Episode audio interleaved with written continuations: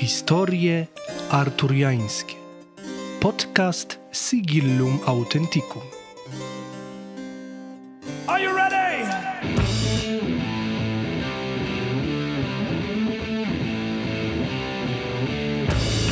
Opowiadam i rozmawiam o takiej historii, która interesuje mnie najbardziej. Zapraszam.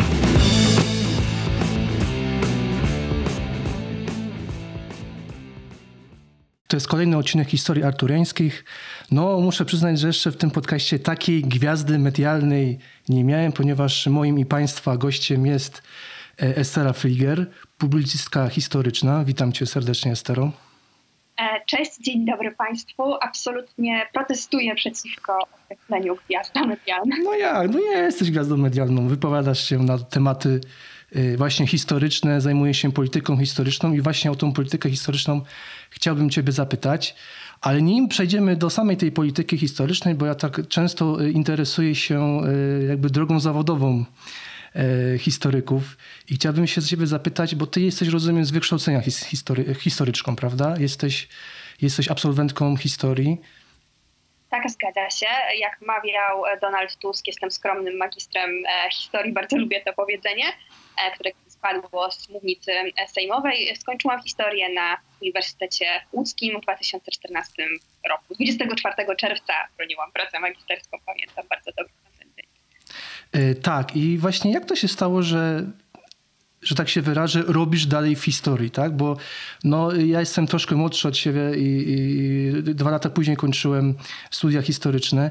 No i tak y, ostatnio założyłem sobie właśnie profil na LinkedInie, czyli taki, no, taki profil, można powiedzieć, zawodowy. No i tak patrzę po tych moich kolegach. No i tak sobie myślę, kurczę, no to co, to, to ja jeszcze jestem jedyny ten, ten, który jeszcze robi w tej historii, bo widzę, że tak y, nie ma za bardzo y, wśród naszych, znaczy wśród moich przynajmniej kolegów czy koleżanek osób, które, które gdzieś, y, gdzieś wypełniają, gdzieś, gdzieś są tymi historykami, tak? I czy ty właśnie, jak, jak, jak to się stało, y, że, że ty jednak dalej robisz tej historii? Pasja wygrywa. Pasja. Czasem że to jest taka szorstka przyjaźń pomiędzy mną i historią. To znaczy, że jednocześnie historię bardzo kocham i jej nienawidzę i chyba każdy tak ma, e, każdy pasjonat, e, pasjonat historii. Zwłaszcza obserwując e, debaty, spory e, wokół historii, one potrafią nam dać w kość, kiedy je przeżywamy e, w jakiś sposób, więc czasem każdy chyba ma dosyć. Ale ogólnie tak, ja myślę, że to, to pasja powoduje, że jest jeszcze we mnie tyle samo zaparcia, żeby tej historii całkowicie nie rzucać i dalej się nią zajmować na tym poletku, które uprawiam, czyli na poletku publicystycznym. Ale to była twoja jakby taka świadoma decyzja, że tak, chcę być publicystką, chcę pisać o, o historii, nie chcę się zajmować naukowo, czy po prostu tak wyszło trochę z przypadku? E, dobre pytanie. Myślę, że mm, to jest wypadkowo kilku e, czynników. Ja zawsze bardzo lubiłam pisać.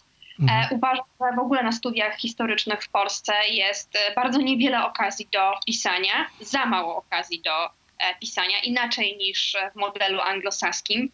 E, I to jest e, moim zdaniem coś, co powinno ulec zmianie. E, Studenci historii w Polsce powinni zdecydowanie więcej pisać. Natomiast ja, ja, tak jak powiedziałam, lubiłam, lubiłam pisać, ale myślałam raczej o drodze naukowej, bo ja zaczęłam studia doktoranckie, których i koniec końców ja pracy doktoranckiej, doktorskiej nie napisałam. Zrezygnowałam dla dziennikarstwa. No i tak mi wyszło, ale Nie, nie ma się co, czym przejmować, bo myślę, że e, świetnie sobie radzisz i myślę, że też ten tytuł doktorski też nie jest jakimś wyznacznikiem człowieczeństwa też, no też umówmy się, tak, bo myślę, że też, no zachęcam tutaj, jeżeli ktoś nie zna twórczości Estery, publicystyki Estery, to tutaj zachęcamy. No myślę, że, że jesteś jednak, jednak bardziej znana ode mnie. bo do tego jednak bym zachęcała. To znaczy, może jeszcze kiedyś, kto wie, ale może nie było mi to po prostu e, pisane. Natomiast jeśli, jeśli ktoś chce iść w tę stronę, to jednak zachęcam, żeby skończyć. Tak, tak, zdecydowanie. Także apelujemy do wszystkich instytutów historii, żeby, żebyście uczyli więcej pisać, pisać, kazać studentom E, i tworzyć też inne rzeczy, jak na przykład podcasty, bo to też myślę jest, jest, O, tak. jest Nowa takim, jakby to powiedzieć, now, nowoczesną formą komunikacji, tak, jak to się, jak to się mówi. No dobrze, ale właśnie wiem, że czytam też często twoje teksty, twoje wypowiedzi na temat e, polityki historycznej. I akurat żyjemy w takim kraju, gdzie ta polityka historyczna jest bardzo ważną częścią życia społecznego, życia publicznego, bo jednak często politycy, ale nie tylko politycy, no gdzieś tam odwołujemy się do tej historii, tak? Czy to do historii tej wielkiej, czy tej małej, czy lokalnej. I gdybyśmy tak mogli powiedzieć, w ogóle czym jest ta polityka historyczna? Powiedziałeś, że żyjemy w kraju, w którym polityka historyczna jest istotną częścią życia publicznego. E, ja bym tutaj dodała, że bardzo często w ten sposób właśnie myślimy, tak? że, że to Polska tak bardzo przykłada dużą wagę do e, historii, a inne kraje to wcale nie i patrzą już wyłącznie w przyszłość. E, to jest taki bardzo popularny stereotyp. Jak to stereotyp? E, tymczasem każde poważne państwo uprawia politykę historyczną i się nią zajmuje. Robią to Stany Zjednoczone, robią to Niemcy, robią to, nie wiem, Japończycy i długo by tutaj można wymieniać, więc to nie jest tylko polska specjalność. My to po prostu robimy e, na przykład inaczej niż Niemcy. Niemcy robią to dużo bardziej subtelnie, e, to oddziaływanie ich soft powerowe jest przez to o wiele bardziej skuteczne. Natomiast my niestety w tym obszarze wciąż bardzo lubimy wymachiwać szabelką i nic z tego dalej nie wynika. Natomiast tutaj chciałabym tylko po prostu E, zaapelować, żebyśmy porzucili to myślenie, e, że to jest tylko polska specyfika polityka historyczna. No nie, nie jest. To jest właśnie mój częsty argument w dyskusjach o tym, czy uprawiać politykę historyczną. E, to wtedy właśnie stawiam za, za wzór inne kraje, które, które to robią. Kraje demokratyczne, podkreślmy, choć niedemokratyczne owszem też, bo na przykład Turcja jest bardzo aktywna na tym polu, czy Rosja. E, tak, ale, ale nie jest to, bo polityka historyczna nie jest niczym niestandardowym, odbiegającym prawda, od norm przyjętych w rzeczywistości E, demokratycznej. Natomiast zapytałeś o to, czym jest polityka historyczna. Zaczęłabym od tego, e, czym jest samo słowo, co oznacza samo słowo polityka. E, I to nam troszeczkę ustawia tą rozmowę o, politykę, o polityce historycznej, dlatego że politykę też możemy definiować w różny sposób. Możemy powiedzieć tak cynicznie, posługując się jedną z najstarszych definicji, że polityka to sztuka osiągania zamierzonych celów. W ten sposób też bywa historia wykorzystywana ale możemy sobie powiedzieć, że polityka to, rzecz na, to działanie na rzecz dobra publicznego. I to jest taki republikański e, ideał, któremu powinna służyć e, historia, więc e, różnie możemy to zdefiniować, jakoś próbując znaleźć wypadkową kilku definicji. Możemy to określić jako działania podejmowane przez aktorów społecznych, bo to nie tylko państwo, ale to również samorządy, szkoły, uczelnie, organizacje pozarządowe, E, tak, które działania podejmowane przez tych aktorów e, publicznych, które no, służą e, określonym celom, czy to celom upamiętnienia jakichś ważnych dla danej wspólnoty wydarzeń, może wyznaczenia priorytetów spośród różnych wydarzeń w dziejach, które są istotne dla danej grupy. No dobra, ale na przykład są takie dwa bardzo słynne cytaty, z którymi się bardzo nie zgadzam a mianowicie, y, że historię piszą zwycięzcy i że y, historia jest nauczycielką życia. I czy się tym zgadzasz? Ja też bardzo nie lubię tych Właśnie. E, frazesów, zwłaszcza te, tego drugiego cycerońskiego, historia jest nauczycielką e, życia. E, tu oczywiście powinna paść ta banalna wypowiedź, że dzieje pokazują, że wcale się z tej historii nic, e, nic nie uczymy. Natomiast jak najbardziej historia ma, jest, jest, powinna być funkcjonalna i użytkowa e, dla nas, to, to bez wątpienia. No właśnie, bo... Mhm. tak, o, tak. pamiętaniu. Tak i no więc właśnie, no tutaj już wyjaśniliśmy, czym jest polityka historyczna, ale tak naprawdę yy, czemu albo komu miałaby służyć ta polityka historyczna? Bo można wydaje mi się bardzo łatwo no tutaj odpowiedzieć, że no społeczeństwu czy politykom, tak? Tylko czy ona często, ta historia nie jest po prostu wykorzystywana no tak y, w dążeniu do jakichś celów, tak? Czyli y, to, co też już po części powiedziałeś, że, że polityka jest no, też pewną taką sztuką kłamania, tak? czyli po prostu y, sprzedawania półpraw, tak? albo naginania pewnych faktów historycznych. I, jak się powinno to dobrze robić? O, na, na początek tak może zapytam. A, dobre, dobre Bo tych złych przykładów to myślę, że możemy podać za chwilę du dużo, nie? ale właśnie jak się powinno y, tworzyć właśnie tą politykę historyczną taką, żeby ona była właśnie taka, jak, jak wspomniałaś, że taka, taka właśnie subtelna, taka właśnie y, nieinwazyjna. Mhm. E, to ostatnimi czasy dużo myślę o tym, e, o sporze Polaków i Ukraińców wokół Wołynia.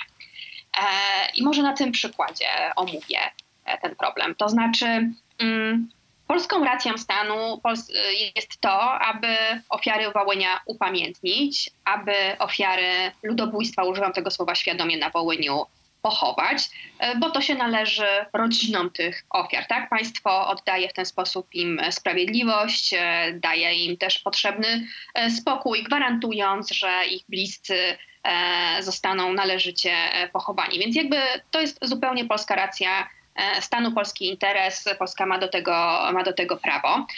Nie ulega to żadnych, żadnym wątpliwościom.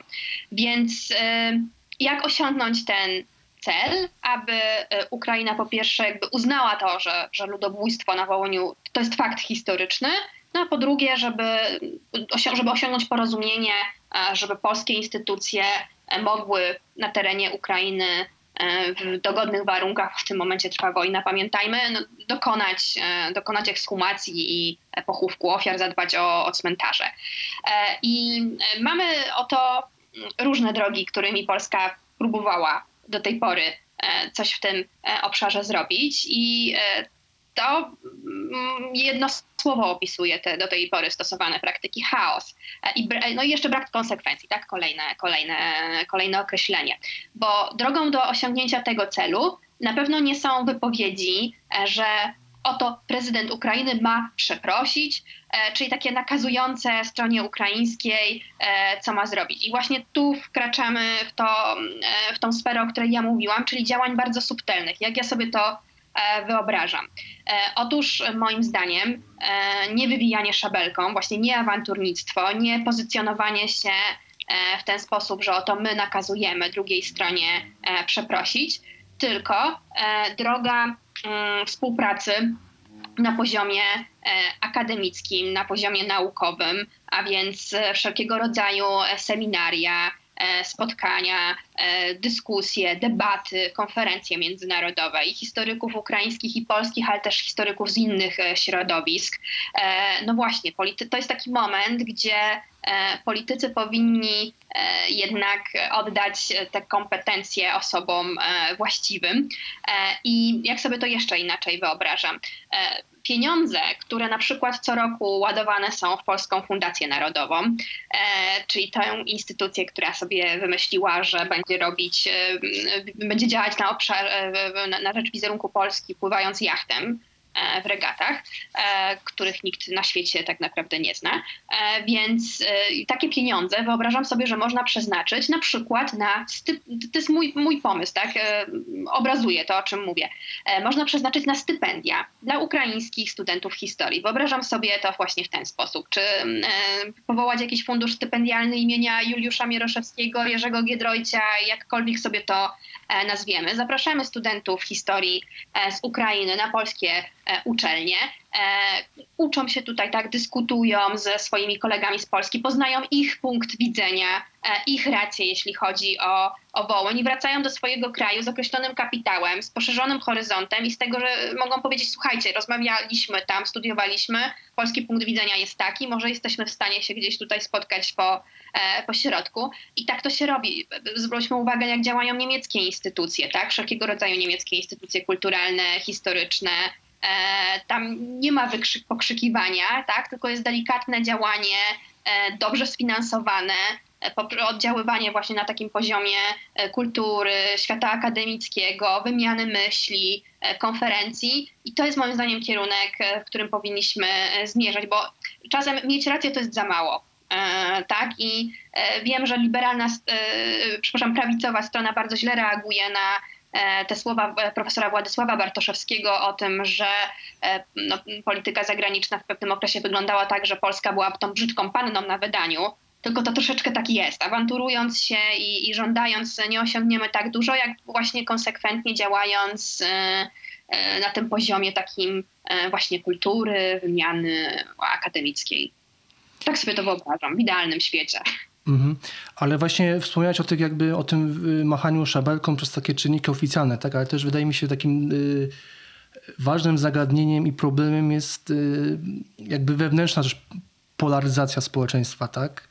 E, jeżeli tutaj chodzi o Ukraińców, tak, i o obecną wojnę, no to mi się to kojarzy tutaj no, w, w, w pierwszym jakby odruchu no, z takim ruchem kamractwa, tak, i, i, i z całymi takimi, no, w, no to się tak ładnie określa w internecie szurami, tak, którzy też propagują swoją tam gdzieś e, teorię, tak, no można powiedzieć, że są takim namacalnym przykładem, e, co, co znaczy awanturnictwo, tak? Bo, bo zazwyczaj e, są to takimi tacy właśnie awanturnicy i że też wpływają na jednak kształtowanie, no bo jednak widzę, że ktoś to ogląda, tak? No ktoś, być może to nie jest tak aż jawne, nie każdy się przyznaje do, do jakichś tam swoich poglądów, czy, czy do tego, z czym się zgadza. Natomiast no, wydaje mi się, że to też jest duży problem, że są takie osoby, które, e, które bardzo mocno akcentują pewne, pewne właśnie powiedzmy fakty historyczne, czy też naginają pewną historię i jakby umacniają to takie stanowisko, powiedziałbym, oficjalne, tak? że, że my rzeczywiście jesteśmy takim właśnie krajem mesjańskim, tak, y, tym, tym właśnie Chrystusem narodów, który cały czas cierpi, jest poszkodowany i po prostu yy, i nam się wszystko należy, tak? tak. Taka silna postawa roszczeniowa. Mhm. W kwestii Wołynia pamiętajmy, że politycy są dziś pod presją na przykład Konfederacji, tak, która chce grać na nastrojach e, antyukraińskich. E, no ale pamiętajmy przy tym, jak ważne jest to, żebyśmy jednak jako polskie społeczeństwo, polska klasa polityczna, uczestnicy życia publicznego mówili w tym temacie jednym głosem, bo mm, temat Wołynia jest też jednym z takich klinów, który Rosja próbuje wbić między Polskę i Ukrainę. I naprawdę byłoby bardzo przykro i mówię to jako, jako no, historyczka, y, stracić y, porozumienie, które osiągnęliśmy w obliczu wojny e, przez konflikt o przeszłość, więc y, tym bardziej dobrze byłoby, żeby politycy byli od tego tematu jak, e, jak najdalej, a żeby na takim właśnie poziomie e, naukowym, akademickim, kulturalnym pozwolić znaleźć przestrzeń na dialog. No zresztą no tak e, też patrząc racjonalnie, też odwołując się do, do tego sporu polsko-ukraińskiego o Wołyń, no jeżeli ktoś spodziewa się, że teraz w czasie, kiedy trwają działania wojenne, że Załoński przeprosi za Wołyń, no to, no to jest w błędzie. No. To, to myślę, że niestety wydaje mi się, że na ten temat można negocjować czy rozmawiać z Ukrainą, no ale z tą wolną Ukrainą, tak, która będzie państwem niepodległym, tak, więc więc no, oczekiwanie, że, że teraz y, Ukraina będzie nas za coś przepraszać, czy, czy będzie prowadziła, znaczy mam nadzieję, że będzie prowadziła dialog, tak? ale że, że będzie, będzie się teraz y, przepraszać nas, no to, no to myślę, że się przeliczy bardzo mocno. Z jednej strony tak, e, a z drugiej jeszcze bym dodała to, że jakby po stronie polskiej, moim zdaniem, należałoby przekonanie samych Ukraińców, że ta debata o Wołyniu jest również im potrzebna że to nie tylko chodzi o to, że my oczekujemy e, powiedzenia po stronie ukraińskiej tak, e, Ukraina była e, sprawcą ludobójstwa, przepraszamy, czy prosimy o wybaczenie, prosimy o pojednanie, tak, i zezwalamy na, na ekshumację i pochówek. Moim zdaniem właśnie bardzo dobrym kierunkiem byłoby przekonanie ukraińskiego społeczeństwa, że jeśli ono chce wchodzić do Europy, a ma takie aspiracje, chce przynależeć do Zachodu, to samo społeczeństwo ukraińskie musi odbyć taką debatę, e, by też e, po wojnie e, odbudować swój kraj, odbudować standardy demokratyczne i, i, i tak dalej, by stać się dojrzałym społeczeństwem. Bo przypominam, że ten argument padał, kiedy toczyła się w Polsce debata o jedwabnem. Mówiło się, to, to był czas akcesu Polski do Unii Europejskiej i to było podkreślane, tak, że Polska stając się częścią Zachodu dojrzale, świadomie e, dyskutuje o swojej przeszłości, również o tych jej e, najciemniejszych e, kartach. Więc to jest dobry argument, moim zdaniem, w rozmowie z Ukrainą, żeby podkreślać, że to nie jest tylko kwestia właśnie naszej racji stanu, ale czym oczywiście jest, ale że przede wszystkim, jeśli oni chcą z tej wojny wyjść jako nowoczesne społeczeństwo e, przynależące do e, Zachodu, to dobrze, żeby po prostu usiedli i ze sobą o tej trudnej przeszłości też porozmawiali. Nie pod naszą presją, ale dla swojego własnego e, interesu i dobra narodowego. Tak, ale właśnie na, na ile właśnie w polityce historycznej ważna, znaczy pewno jest ważna, ale no wybacz, ja też czasem tu zadaję głupie pytania. Na ile tak. jest ważna edukacja historyczna, tak? Bo w Polsce mamy taką instytucję jak na przykład IPN, który jest oczywiście jednostką naukową, tak, ale też prowadzi szerokie działania edukacyjne tak, na, na, na szeregu polach. No i właśnie na, na ile ta edukacja jest faktycznie ważna dla nas? Mhm. E, no, edukacja jest bardzo ważna, tak? I w ogóle mi się wydaje, że my powinniśmy się zastanowić, my mówię w Polsce, klasa polityczna, historycy, e, publicyści, dziennikarze, po co w ogóle nam jest historia i jak w XXI wieku powinna wyglądać w związku z tym edukacja e, historyczna. Tylko nie dokonamy przemodelowania edukacji historycznej, jeśli nie odpowiemy sobie na to podstawowe pytanie, po co nam dzisiaj historia.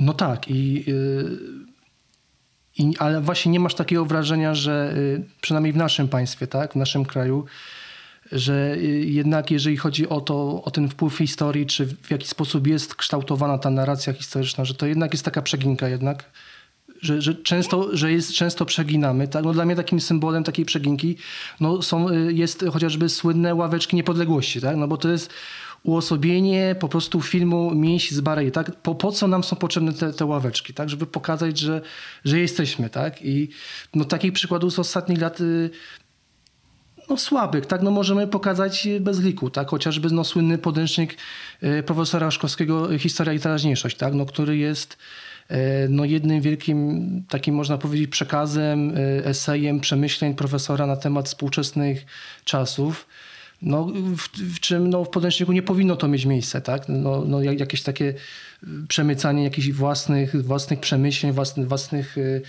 własnego y, światopoglądu, tak? Wartości, które się gdzieś tam wyznaje. I, no i widzimy te przykłady, tak? Że one są legalizowane przez czynniki państwowe, tak? No ja przez wiele lat zajmowałem się takim marginalnym środowiskiem, czy takim tematem jak Wielka Lechia, tak, z taką właśnie pseudonauką. No ja zawsze się obawiałem tego, że przyjdzie taki Janusz Bierzk, tak, ten jeden z tych słynnych autorów do ministerstwa i on powie, że trzeba wykładać w szkołach Wielką Lechię, tak?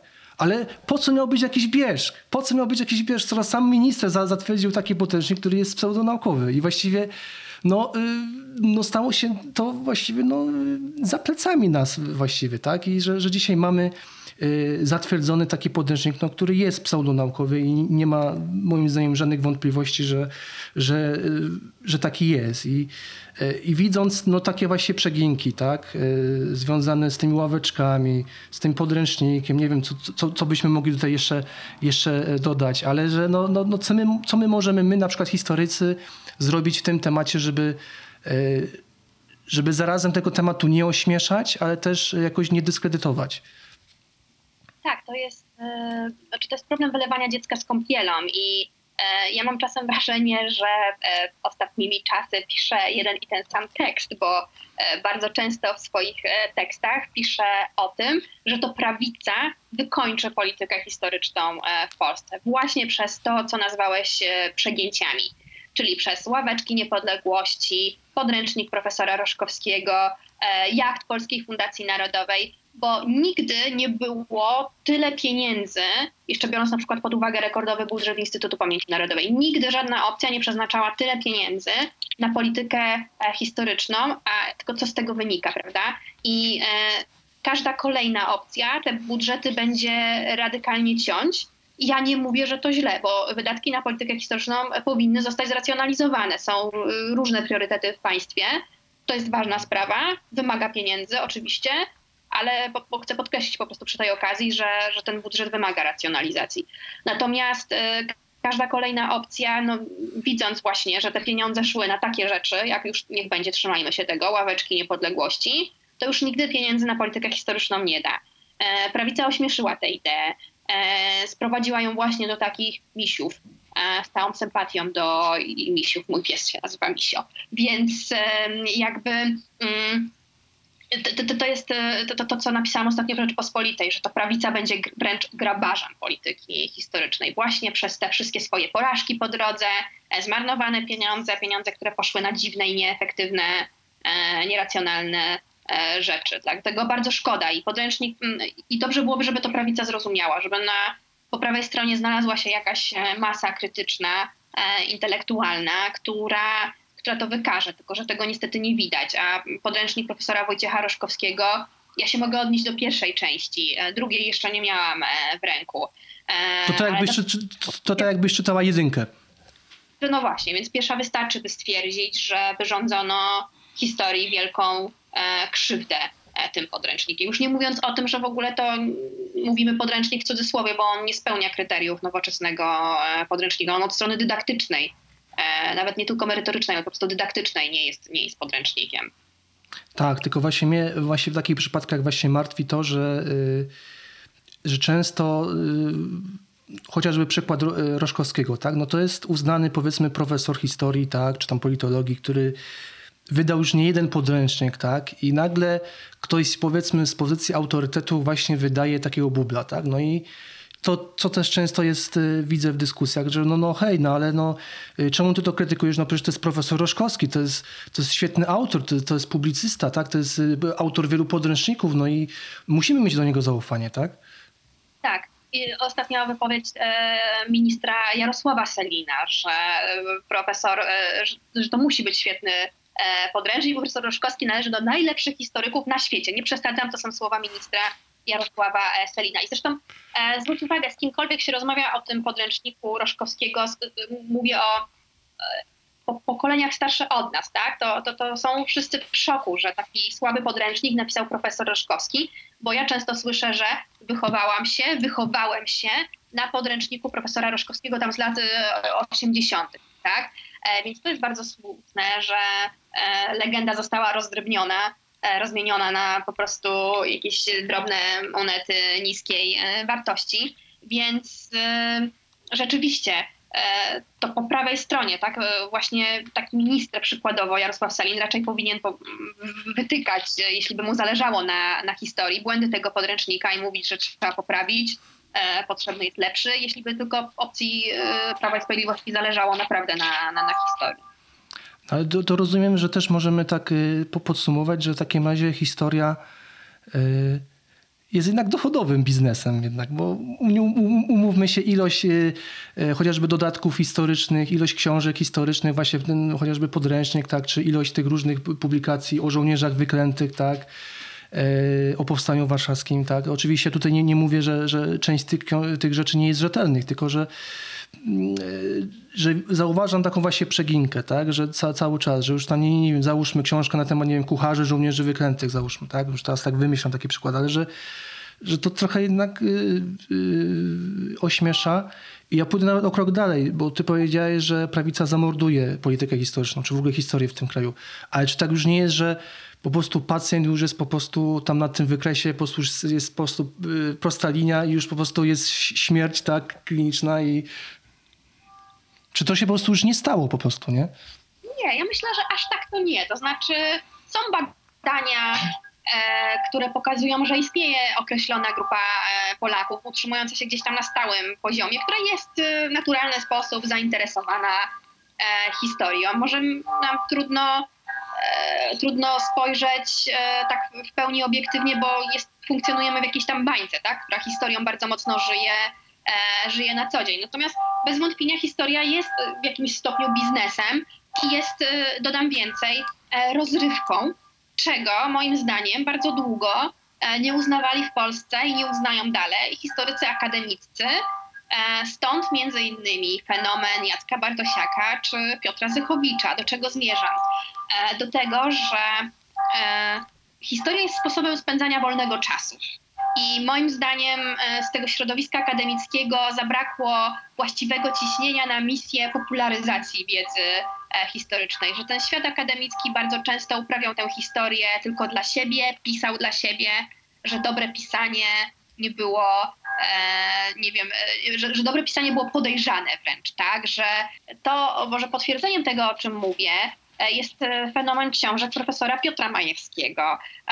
1938 e, rok, kiedy wybuchnie wojna i druga książka poświęcona zjawisku kolaboracji Czech podczas II wojny światowej. No więc profesor Majewski znalazł się z tą pierwszą wymienioną książką w finale Nike, bo jest to wybitne dzieło nie tylko historiograficzne, ale też dzieło e, literackie. I tylko takich historyków, którzy fantastycznie piszą, możemy policzyć na palcach jednej dłoni. To nie jest kwestia tylko talentu, bo bez wątpienia profesor Majewski jest e, utalentowany i nie każdy taki talent pisarski ma, ale to jest też kwestia tego, znaczy podejścia i tego, o czym mówiliśmy sobie na samym e, początku, że podczas gdy w anglosaskim modelu e, studiowania historii dużo się pisze, no to w polskim nie pisze się zbyt, e, zbyt wiele, bo w akademii wciąż nie jest to postrzegane jako coś potrzebnego, tak? Że praca bez miliona przypisów nie jest dobrze postrzegana.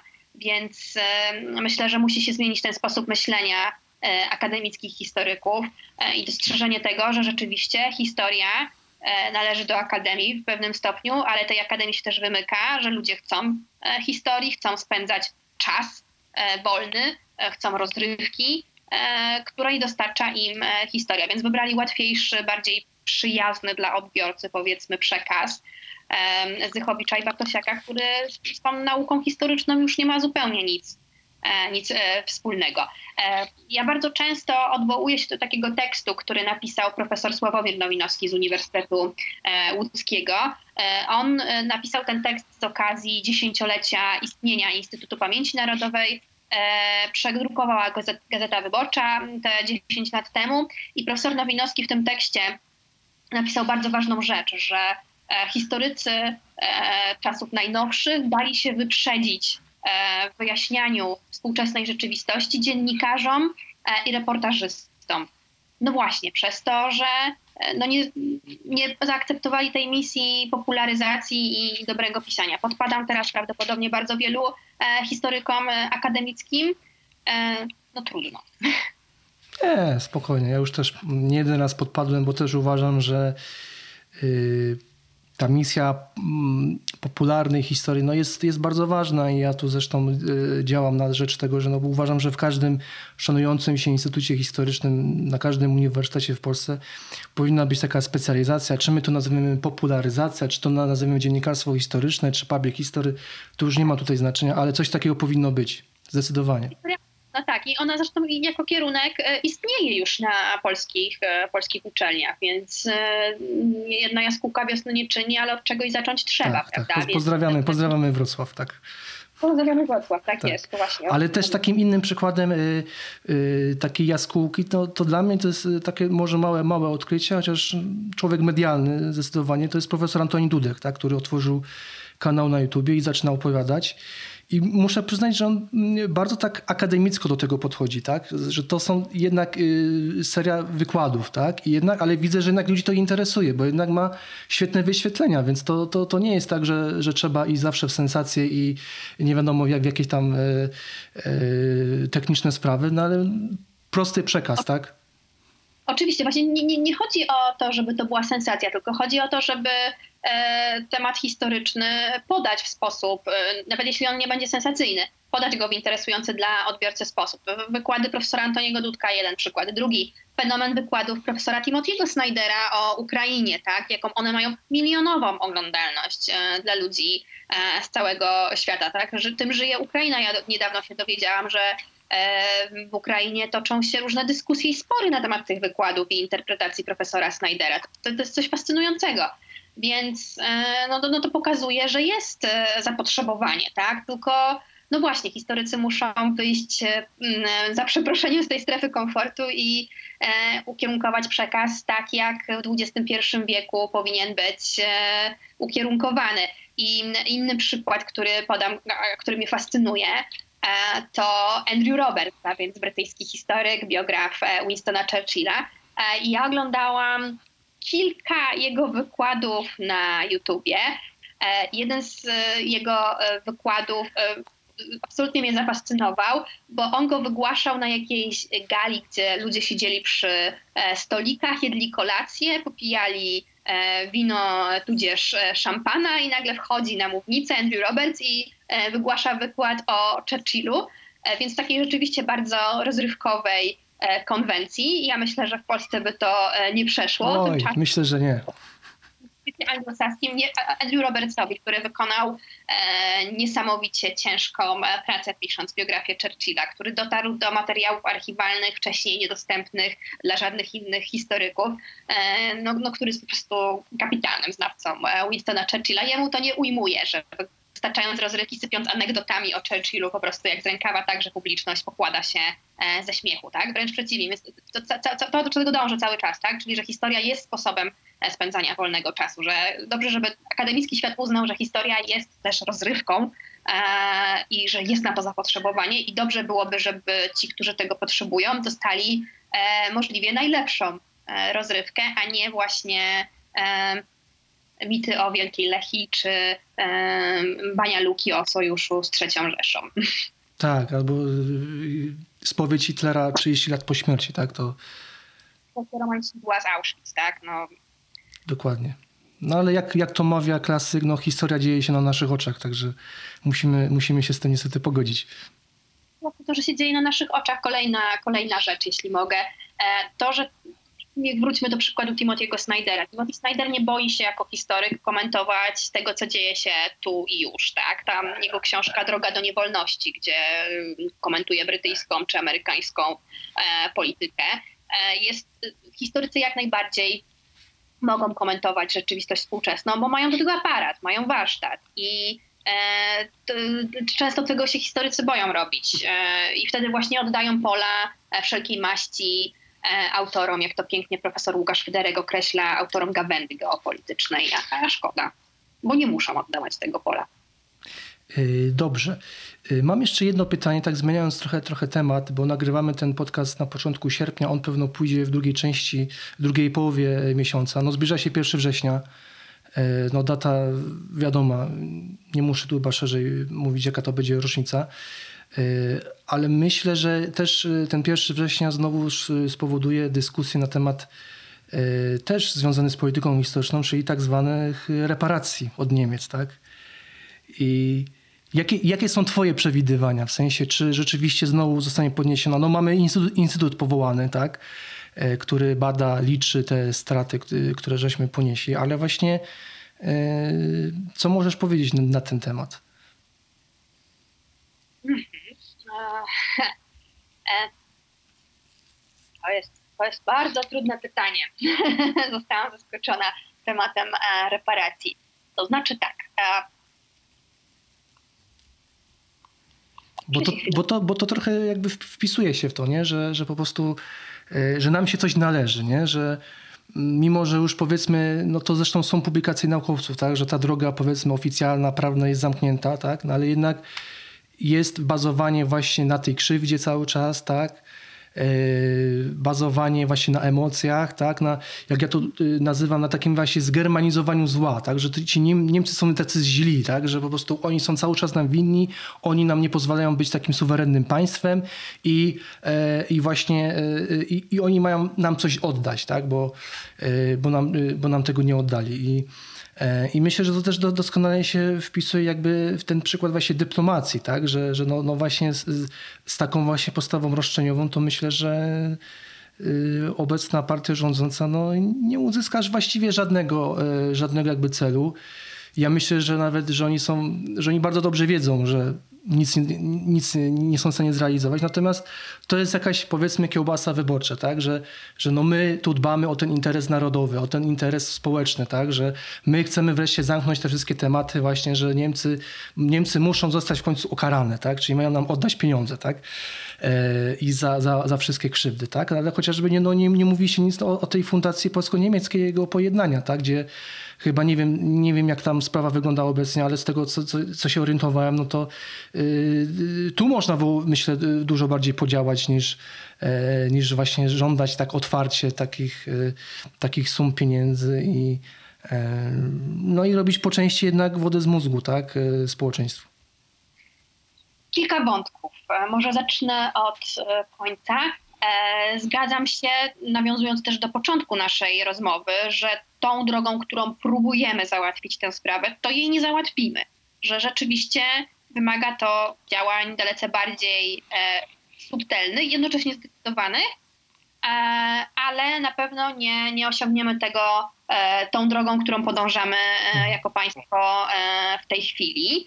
No ale to nie chodzi o to, kolejny wątek, żeby króliczka dogonić, tylko żeby go właśnie stale gonić, tak? Więc żeby to był jakiś, jakiś temat, e, który, jak rozumiem, jest atrakcyjny dla części, e, dla części elektoratu.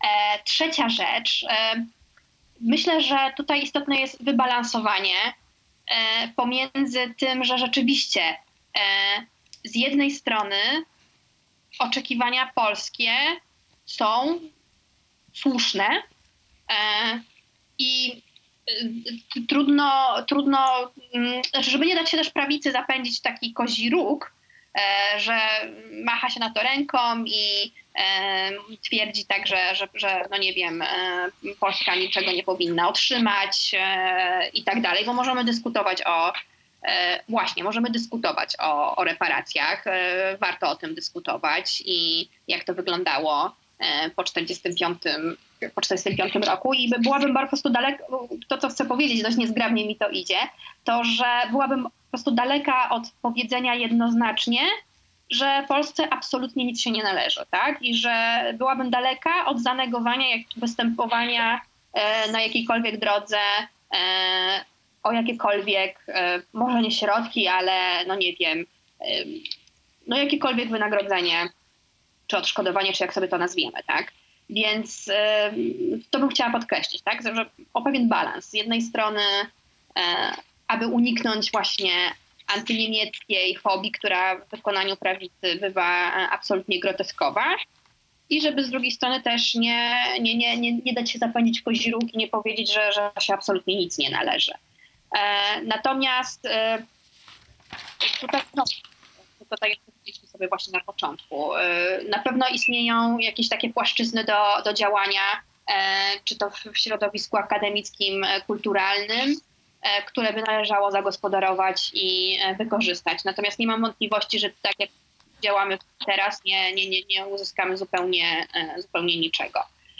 Natomiast zwróciłabym też uwagę na to, że niczym nagannym jest się nie zgadać z niemiecką polityką historyczną, E, która jest y, jaka jest. I widzimy wypowiedzi kanclerza Scholza i mi osobiście one, y, nie chcę używać mocnego słowa, oburzają, ale e, no widać wyraźnie, e, że ta niemiecka polityka historyczna istnieje i musimy mieć tego świadomość. Tak, y, zdecydowanie. Ale czy myślisz, że te nadchodzące wybory, które się zbliżają już na jesień, to one o czymś zdecydują, chociażby jeżeli chodzi o politykę historyczną, albo o w ogóle historię w naszym kraju, w takim znaczeniu, że albo jeśli będzie zmiana y, powiedzmy władzy, to Wajcha pójdzie w drugą stronę, a jeżeli y, Zjednoczona Prawica będzie dalej rządziła, Wajka jeszcze pójdzie dalej w tą stronę, którą idzie, bo, bo obawiam się, że to mo mogą być zupełnie jakby takie dwie, dwie skrajności, e, a, nie ma, a nie ma właśnie tego, tego balansu. Mhm.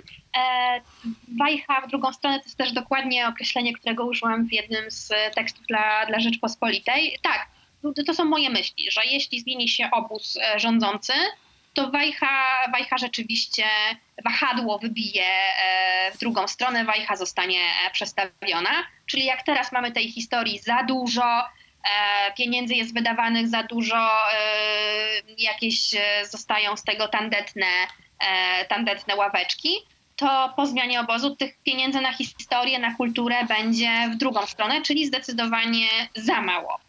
E, I to jest właśnie nasz problem, że poruszamy się od ściany do ściany, a od jednej skrajności do, w drugą skrajność padamy, że z jednej strony tej historii latami jest za mało albo wcale, a z drugiej strony tej historii jest e, za dużo. I tutaj właśnie też powtórzę się to, co powiedziałam wcześniej, nie znajdziemy E, rozwiązania, jeśli sobie nie przedyskutujemy, po co nam historia w XXI wieku, po co państwu, po co społeczeństwu e, polityka historyczna. I myśląc o tym moim zaproszeniu do, do, do podcastu, zastanawiałam się nad tym rano, co, co powiem. E, to właśnie to była moja główna, główna myśl, że e, no musimy odbyć taką, e, taką debatę, e, żeby prowadzić efektywną politykę historyczną, e, zastanowić się po prostu, po co to robić. Bo tak jak nauczyciel historii i nauczyciel każdego innego przedmiotu przygotowuje przed lekcją konspekt i w tym konspekcie, e, pamiętam to bardzo dobrze ze studiów i z praktyk, na końcu określa e, sylwetkę ucznia po danej lekcji, czyli wymienia Uczeń potrafi wymienić następujące daty, tak? Uczeń potrafi pokazać na mapie, e, uczeń potrafi wyjaśnić przyczyny wojny, e, powiedzmy II światowej, uczeń potrafi zdefiniować pojęcie e, nazizmu, pojęcie faszyzmu, uczeń i tak dalej. Tak, mamy określoną, określony profil ucznia po danej lekcji, co będzie potrafił. I tak trzeba usiąść z polityką historyczną, czyli Polska będzie miała z tego to, to, to, to, to, Polska, polskie społeczeństwo to i tak dalej. Jeśli określimy cele, to rzeczywiście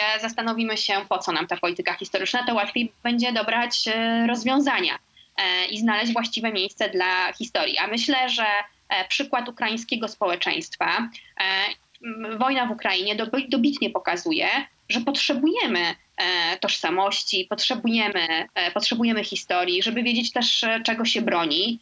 E, I dla mnie bardzo przemawiają te obrazy zabezpieczanych muzeów, zabezpieczanych pomników e, na wojnie e, w, Ukrainie przed Rosjanami. Tak? Ukraińskie społeczeństwo chroni to swoje dziedzictwo. No trudno o bardziej wymowny przykład, żebyśmy tej historii nie chowali gdzieś do szuflady na samo dno, ale nigdy nie wiadomo, kiedy ona nam się może przydać, żebyśmy wiedzieli, czego, czego bronić, czego potrzebujemy.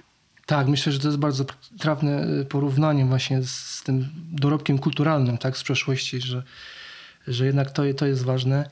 Ja myślę, że tutaj naszych słuchaczy zosta zostawimy z tym pytaniem, po co nam, nam historia. Zachęcamy do komentowania, do subskrybowania i e, bardzo chciałem Ci, Estero, podziękować. Moim Państwa gościem była Estera Fliger, e, publicystka historyczna. Dziękuję bardzo. Dziękuję za zaproszenie, to była bardzo ciekawa rozmowa. Dziękuję. Jeśli spodobał Ci się ten odcinek, koniecznie zasubskrybuj podcast. Więcej moich treści znajdziesz na stronie sigiluautenticum.pl oraz na profilach na Facebooku, Twitterze, Instagramie, TikToku i LinkedInie.